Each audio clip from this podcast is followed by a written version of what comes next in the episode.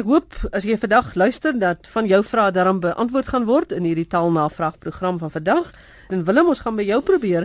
Is my notnagel vra hoeveel mense daarna verwys word as iemand sê daar was diep in die 10 mense. En dan is daar ook 'n ander vraag, um, Andre Kotse wat vra of die twee beklemtonings van onderwys, naamlik onderwys en onderwys, albei korrek is. Maar net eers oor hierdie daar's in die 10 mense want ons praat baie keer so daar was in die 1000 mense gewees. Ja, of ja, was diep in die 3. Dit gaan eintlik oor die diep in verbinding met die telwoord. Daar was diep in die 3 of daar was diep in die 10. Dis eenvoudig maar baie mense is my dit is ehm um, wat jy wil ekskuus dis verskriklik min mense. As jy sê daar was diep in die 10 mense was daar baie min mense. Dis verskriklik min. Ander kortse vraag oor onderwys en onderwys. Nou daar is 'n baie groot persentasie sprekers wat al oor baie jare praat van onderwys en daar is ook terselfdertyd 'n baie groot persentasie sprekers wat oor baie jare praat van onderwys. En 'n mens sou eenvoudig moet sê beide is kenmerkend van Afrikaans. En as jy die taal wil beskryf, sal jy erkenning moet gee aan albei. So ek sou sê op hierdie stadium op grond van gebruik kan jy nie sê dat een van hulle korrek is nie want dis nou baie jare wat baie mense ehm um, beide uh, klemvorms gebruik. Willem net opvolg hier hierop. Ons het nou albei die woord gebruik beide en albei. Ek neem aan beide is korrek albei ook. Albei is korrek. In vroeë jare het hulle vir ons geslat in die skool as ons gesê het beide. Maar nou is dit aanvaarbaar. Ek weet nie van 'n beletsel uh, op die oomblik teen beide nie. Nee, ek dink dit was maar 'n skoolvorserigheid op 'n manier. Frikkie, 'n luisteraar het in 'n gedig gelees en dit is nou seker 'n baie ou gedig of iets met Nederlands te doen van die edelhert se gewy. Nou daai gewy word gespel G E W E U. Wat is hierdie gewy? Ja, dit is die uh, vertakte beenagtige uitgroeisels uh, op die voorhoofsbeen van 'n manlike hert en van 'n rendier van albei geslagte. Dit kom uit die Hoogduits uit gewai wat 'n samestelling is uh, van die ge wat ons weet 'n min of meer 'n saam versamelprefiks is soos wat ons nou kry in gebergte of gepepel plus uh, uit die Oud-Noors uit weiger wat beteken spies of uh, tak. Met ander woorde, dit is eintlik 'n klomp spiese of takke wat gedra word op hierdie edelhert se kop. Willem Pieter Loubser van Klerksdorp vra of dit korrek is om te sê dat iets vrugte sal afwerp. Vir hom is dit net so hinderlik soos op verlof. Maar nou ja, op verlof is korrek. Ja, ehm um, ons kan maar daar begin om te sê dat uh, op verlof en met verlof is nou aanvaarbaar. Maar nou moet ek by sê, hy sê my belangstelling in Afrikaans is in my sterre ingedrul deur 'n wonderlike oom S in standaard 7 en 8 in Klerksdorp. Nou ek kan my goed indink dat dat iemand wat dinge ingedrul het en so aan eh, sou vir hom geleer het op skool dat dit moet wees met verlof en nie op verlof nie, maar sedertdien het ons is baie minder begin drul en daar's nou meer vryheid. Met verlof en op verlof is is albei aanvaarbaar net soos met vakansie en op vakansie.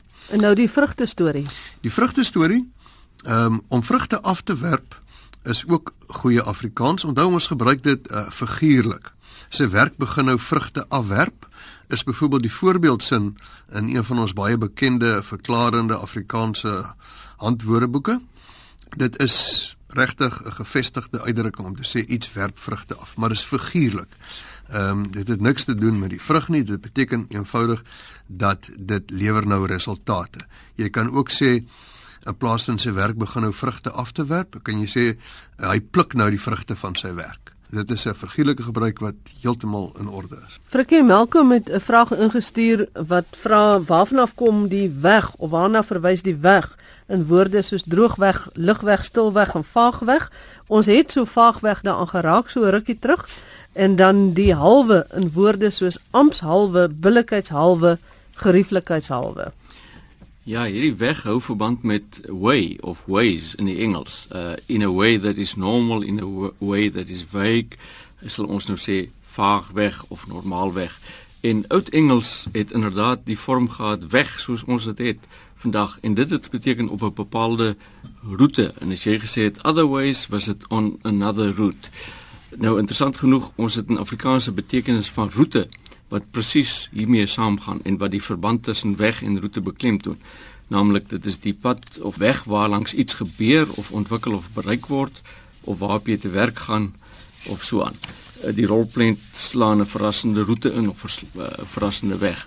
So stilweg is op eintlik op 'n stil manier. Dit is wat wat daai weg beteken. Uh ampshalwe, die halwe kom uit Middelnederlands halwe wat beteken eintlik die sy of die kant.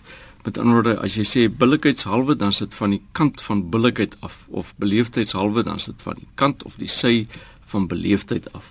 Ons sal vandag, as ons dit moet verklaar, sou sê miskien uit hoofde van soos 'n ampshalwe ampshalwe uit hoofde van sy amp of kragtens sy amp of ter wille van of met die oog op uh, ter wille van billikheid billikheidshalwe of beleefdheidshalwe met die oog op billikheid. Een van die voorbeelde wat Malcolm nou ingestuur het waarna jy verwys is gerieflikheidshalwe. Ek het ook al gehoor mense gebruik geriefshalwe. Sou mm. dit korrek wees? Ja. Ja, wat? Ek dink dit is dis maar net 'n ingekorte vorm. Willem het 'n vraag van die Parel af. Dit is een de kok en hy vra wanneer is 'n skool 'n gimnasium? Dis is soos Parel Gimnasium en Paul Roos Gimnasium, albei skole daar in die Boland. En uh, wanneer is dit net 'n hoërskool? Watter kriteria word gebruik? Jan, jy vra ook of dit dalk 'n koloniale erfenis is en die antwoord is ja.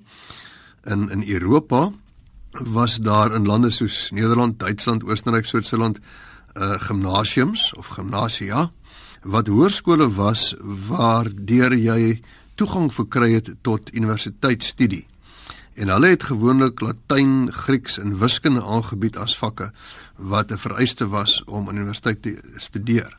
100 of 150 jaar gelede was daar ook 'n paar skole in Suid-Afrika eh, wat nou nog die naam van gimnasium dra wat hierdie vakke aangebied het ten einde jou in staat te stel om aan universiteit te studeer. Soos byvoorbeeld die Pilroos Gimnasium en die gimnasium in die Parel wat natuurlik 'n interessante geval is want die skool se eintlike naam is Hoërskool Gimnasium. Dis nie Parel Gimnasium nie. En Hoërskool Gimnasium is 'n is 'n baie interessante kombinasie van name, maar ons laat dit maar daar. Maar vandag as as jy praat van 'n gimnasium, jy kry ook in ander dorpe gimnasiums en dit beteken dan maar bloot hoërskool. Maar sommige van die skole is oorspronklik gestig met die ideale van die Europese skole en hulle was werklik gimnasiums alhoewel dit vandag nie meer is nie behou hulle natuurlik die naam gimnasium in hulle naam. Voordat ons na Frikkie toe gaan met die volgende vraag, ondersteun jy hoërskool gimnasium of boys high? Hulle is mos vyande daar in die Parel. Ja, Magdalene, kyk daar is net goeie skole in die Parel en ek was 'n onderwyser aan die hoërskool gimnasium, so ek het nie eintlik 'n keuse daar nie. Frikkie, waar kom die woord preut vandaan? Wel, dit kom natuurlik voor in Nederlands, preuts en dit gaan terug na Middelnederlands toe, maar toe was die betekenis aanvanklik uh en dit is nou baie baie jare eeue gelede was kuis of ingetoe, selfs uh dapper. Dit was dis oorwegend 'n gunstige betekenis wat dit gehad het, maar vandag beteken preuts eintlik iets wat nie so heel gunstig is nie. Dit is amper wel oordrewe kuis of bietjie bekrompe met ander amper, amper te sedig. Oorspronklik dus was preets heeltemal 'n oulike ding. Jy kon dapper wees, trots, dit was gunstige dinge. Vandag is preets eh, jy kom bietjie uh, bekrompe oor of jy's heeltemal te sedig. Mens hoor nie dat mense die woord baie meer gebruik nie. Nee, nee, dit is regtig so. Dit, jy weet, ek dink nou as ek vandag uh, vanaand by die huis kom en ek vra vir my kinders uh hulle moet vir my sê wat beteken preets. Ek dink een van hulle sal dit kan doen nie. Ek dink die probleem is ons kry nie meer preetse mense nie. Willem Anne Marie van Oos-London het 'n paar interessante vrae. Het so 'n hele klompie bymekaar. Onder meer gaan dit oor koppeltekens en dan het sy ook 'n vraag oor klein motortjie of klein motor, die gebruik van die verkleinvorm saam met 'n selfstandige naamwoord. Wil jy vir ons daar vraag hanteer asseblief? Ja, uh, Anne Marie Heritage van Oos-London vra skryf mense nou NG Kerk met 'n koppelteken tussen NG en Kerk of daarsonder want sy sien in die in die gedrukte media NG Kerk nou dikwels geskryf los NG en dan los Kerk. Nou dit is heeltemal korrek hierdie los skryfvorm um, Anne Marie en die rede is dat jy die volvorm is Nederduitse gereformeerde kerk. So jy het nie hier met 'n samestelling te doen nie, maar 'n verbinding van byvoeglike naamwoorde saam met 'n selfstandige naamwoord. Net so sal jy altyd sê 'n SA atleet sonder 'n koppelteken wanneer dit 'n Suid-Afrikaanse atleet is, nie 'n Suid-Afrika atleet nie. Maar as jy nou byvoorbeeld iets sê soos 'n WP atleet, dan kan dan is dit 'n samestelling en dan kan jy skryf WP koppelteken atleet of WP los atleet omdat WP staan vir Weselike Provinsie wat 'n eie naam is en die verbintenis van eie naam plus soortnaam kan met 'n koppelteken of los of selfs vasgeskryf word behalwe in hierdie geval sal dit nou 'n bietjie lol want jy het hoofletters. So NG Kerk los is korrek. Dan vra sy oor die verbintenis van klein saam met 'n selfstandige naamwoord. Kan 'n mens net sê klein motortjie of kan jy ook sê klein motor? Nou ek het 'n bietjie gaan uh, soektog doen en gaan kyk in die elektroniese bronne, in die koerante en so en dit is tog interessant dat klein dikwels saam met 'n selfstandige naamwoord gebruik word wat nie in die verkleiningsvorm is nie. Uh, jy kry byvoorbeeld uh, verbindings soos klein sirkels, 'n klein woonstel, 'n baie klein deel, 'n klein afstand, 'n uh, klein rotsteen, 'n klein slang, 'n klein insek. Dit hang af van die spesifieke konteks waarin die woord gebruik word van die omstandighede. Ehm um, jy sou byvoorbeeld nooit sê sy's 'n besonder klein vroutjie nie. O jy sou kon, maar jy sal as jy nou praat van 'n verskrompelde ou vroutjie wat langs die pad sit, sê jy sê sy's 'n ou klein verskrompelde ou vroutjie. Maar as dit 'n elegante premier van 'n land is en sy is klein gebou, gaan jy sê sy's 'n besonderse klein vrou. Dit hang net af uh, van omstandighede. Uh, soms is dit onverwag. Jy sal sê jou klein vaabond. Jy sien nie jou klein vaabondjie nie. Jy kan, maar dikwels gaan jy sê jou klein vaabond, hy's 'n klein gemors, jou klein dief.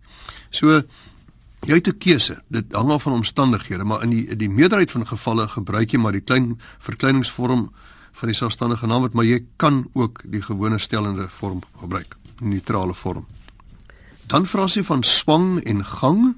Sy sê dis tog sekerlik korrek om te sê uh die mode is nou in swang en jy kan nie sê die krieketoets is in volle swang nie. Uh jy is heeltemal reg Anne Marie.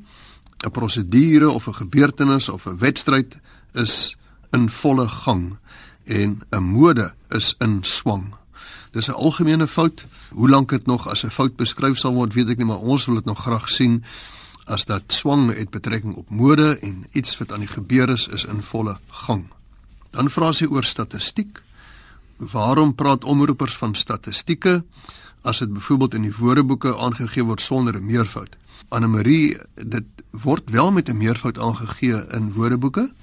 Miskien het jy net nie mooi gekyk nie, maar uh, statistieke twee betekenisse en by die tweede betekenis word aangedui dat dit in daardie betekenis 'n meervoud het. Ook in die Afrikaanse woordelys en spelreëls word die meervoud gegee. Die omstandighede waarin jy se praat van statistieke is wanneer dit stukke is waarin statistiese gegevens vervat is. Uh, ons praat ook van statistieke Suid-Afrika omdat hulle verskillende soorte statistiek verstrek. Dit is nie net statistiek in die algemeen is op verskillende gebiede, verskillende soorte statistiek staan hulle bekend as statistieke Suid-Afrika. Maar ons moet versigtig wees. Jy sal byvoorbeeld sê, ehm um, daar is goeie statistiek beskikbaar oor immigrasie en nie daar is goeie statistieke nie. Jy moet maar vir jouself oordeel, gaan dit nou hier oor verskillende stukke met statistiek in of soorte statistiek of is dit bloot net die verskynsel van statistiese gegevens? 'n Ander interessante een is die gebruik van uitslag en uitslaa. Mens vind baie keer dat mense praat van uitslaa as een as verwysende nou na 'n enkel fout of een ding. As byvoorbeeld nou soos in Namibië met die referendum was daar 'n ja of 'n nee stem, so daar's 'n uitslag. Mm. Maar in 'n verkiesing, 'n algemene verkiesing kan daar verskeie uitslae wees. Ja, want dit kom van verskillende oorde en ja, hier se maar moet oordeel van uh, ges, van geval tot geval. Aansluitend miskien net, jy weet jy kan praat van 'n byla en dan sien meer vir bylaas of 'n bylaag en dan sien meer vir daarvan bylaa. Dit is uh, nou maar soos dit eenvoudig werk. Maar interessant genoeg 'n woord soos insaai het, het nou weer nie 'n enkel fout nie. Mm. Dan vra sy ook oor in 'n mate of tot 'n mate. Wat is die korrekte voorsetsel? Nou dis baie interessant. Ons het vir jare ehm um, was daar die sienswyse dat net in 'n mate korrek is en dat tot 'n mate verkeerd is. Maar as jy nou na die normatiewe bronne kyk, dan sê hulle juis dat dit eintlik verkeerd was. Dat in 'n mate en tot 'n mate albei ehm um, as korrek aanvaar moet word. Maar as jy gaan kyk na die bestaande bronne, as jy gaan kyk na die koerante en so sien jy dat hulle tog nog meer in 'n mate gebruik as tot 'n mate.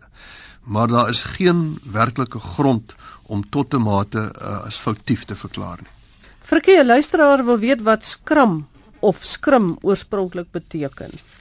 Ja, dit kom uh uit die Engels, scrum, met wat mense natuurlik net met 'n SC skryf. Uh en dit is 'n verkorting van scrummage en scrummage op sy beurt is 'n wisselvorm van scrimmage wat met 'n i geskryf word en nie 'n u nie. En dit beteken skermutseling of 'n deurmekaar stoeiery en vir iemand wat nou nie vir wat die spel rugby so goed ken nie sal dit nogal lyk asof dit 'n skermutseling of 'n deurmekaar stoeiery is. Willem Johan van der Kolf van die Parel vertel dat sy Belgiese vriende dikwels hulle briewe afsluit met die woorde dikke knuffels, stywe drukkies. Hy vra nou of knuffel dalk verband hou met karnaval. Ja, dis 'n baie interessante vraag. En die interessantheid verder is dat knuffel wel in die Woordeboek van die Afrikaanse taal verskyn, maar met 'n etiket daarbey meer Nederlands.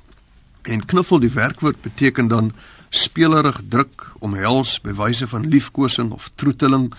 En as 'n mooi aanhaling uit die Afrikaanse vertaling van Pinocchio, daar staan dis al so lank tyd dat ek vader nie gesien het nie dat ek verlang om hom lekker te knuffel en te liefkoos. En dan is daar inderdaad 'n verwysing na karnuffel. Nou ek het toe in die Nederlandse bronne gaan kyk en alhoewel daar 'n semantiese verband is tussen knuffelen en karnuffelen, is hulle nie etimologies, met ander woorde wat herkoms betref, verwant nie. Uh as jy by knuffelen kyk in etimologie etimologiese Nederlandse woordeboek dan dan die betekenisse daar rehanteren of liefkosend pakken. Maar uh, knuffelen kom uit Fries en uiteindelik uit Deens uit. En as jy na karnuffelen gaan kyk, sy herkoms dan ehm um, in die blote betekenisse daarvan word ook gesê dit beteken stompen met kleine aanhoudende vuistslagen, sparren of knuffelen wat nou die liefkoos is. Maar karnuffelen kom uit oorspronklik van karnuffel en dit is Duits. So interessant genoeg Johan etimologies geen verband nie, maar uh, semanties wat betekenis betref hou hulle tog verband met mekaar. Ons sluit vandag se program af met 'n uh, navraag oor plekname in Afrikaans en ek moet sê uh, Willem en Frikkie dit bly maar 'n tamaletjie wanneer spreek jy 'n woord 'n pleknaam in Afrikaans uit en wanneer in Engels nou dis Dan Groenewald wat ingeskryf het en gesê het hy het probleme met die vertalings van plekname in Afrikaans en hy het 'n spesiale verwysing hier na Kantelberg. Hmm. en hierdie vraag gaan na Frikkie se kant. Ja Dan dit is uh, dit is inderdaad uh, 'n vraag. Wanneer word die goeders ge jy weet getranslitereer en wanneer behou ons dit net so?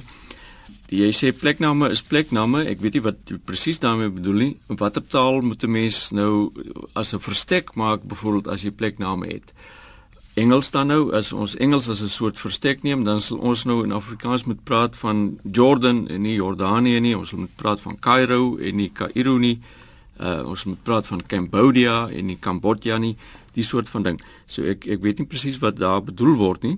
Daar is nie sommer maklik iets soos universele plekname nie. Jy weet die die Engelse sal sal uh, anders as die Franse praat oor sekere name. En die, hulle sal weer verskil van wat die Duitsers daarvan maak en so is dit in ons geval maar ook. Die goed word aangepas dikwels by 'n taal se stelsel. Uh, ons sal Parys sê vir vir die Franse hoofstad. Eh, die Franse sal sê Paris en die Eng Engelse sê, sal sê Paris. Die Engelse sal sê uh Munich vir München. En ons sê dit op die Duitse manier. Nou Dan sê verder ook daar's dan seker dinge wat vir hom bietjie vreemd is. Dink nou aan vir vier sê wat nou VW word en hy hy voel dit is onder die invloed van Engels en hy praat ook van Labeskagni en Labeskein en Blinou en die soort van dinge en die dorpie Uitenhaag wat Uitenhaag word. Nou sommige van die is Engelse uh, invloed soos uh Uitenhaag wat so uitgespreek word deur Engelssprekendes waarskynlik terwyl ons nou sê Uitenhaag. Maar uh, waar vir viers WW word is dit presies soos die soos die Franse dit eintlik sal uitspreek. Om die waarheid te sê, ons doen baie keer uh die Franse name wat ons geërf het bietjie geweld aan soos ons sê sommer de toi en die Franse sal sê die toi. Ek dink ons is baie keer net te gevoelig oor anglisismes of, of ons wil enige iets wat klink na die Engels 'n anglisisme noem. Want baie keer is daar 'n woord wat 'n mens dink dit kom van die Engels af dan is die woord eintlik van Franse herkoms ja, of of Nederlandse herkoms. Jy weet of of hy of hy leef al al die jare ook in Nederlands. En wat ook uh, interessant is, St Petersburg word in Afrikaans vertaal St Petersburg. Ja. En wat wat nou heeltemal jy vir Afrikaans dit in hierdie Dit is net 'n vir Afrikaansing. Maar jy weet eh, mense sou baie lank kom praat oor wanneer wanneer word dit nou getranslitereer en wanneer nie en wanneer word dit nou aangepas in Afrikaans en wanneer nie. Wat wel moet gebeur is uh wanneer iets in 'n sê maar die Cyrilliese alfabet is, nee, 'n alfabet wat ons wes wat ons mense nie ken nie, dan moet jy mos nou 'n aanpassing maak en jy moet 'n skryfvorm gee wat in 'n wat in ons alfabet beskikbaar is. Dit geld ook woorde van sê maar Chinese oorsprong of Japaneese oorsprong ensovoorts. Net so vreemd soos dit vir my is, um, Little Rock Arkansas wat in Amerika mos nou mm. die plek van die groot kop is van ja. die president, maar die rivier is, is Arkansas. Arkansas. Ja, ja, Arkansas in Engels en Arkansas in Afrikaans. Ja, ek wonder nog steeds oor daai rivier. Ek weet uh, Anton uh, Prinsloo het dit uh, ook so aan en ek het, uh, sal nie sommer vir Anton in twyfel trek omdat hy so baie weet van die dinge. Maar ek sou maar geneig wees om te sê die Arkansas rivier ook, jy weet maar. Nou ja. Goed, baie dankie op daardie noot moet ons nou sluit. En uh, van die plek Johannesburg groet ek ook vir Dr Willem Botha en Dr Frikkie Lombard en hulle is van die plek van Kaapstad of dan Parel of Paal. Hoe julle ook al dit uitgespreek wil hê. Nooit Parel nie. Net Parel en dan ook nie Stellenbosch nie, net Stellenbosch. Net Stellenbosch, ja. Groete tot 'n volgende keer.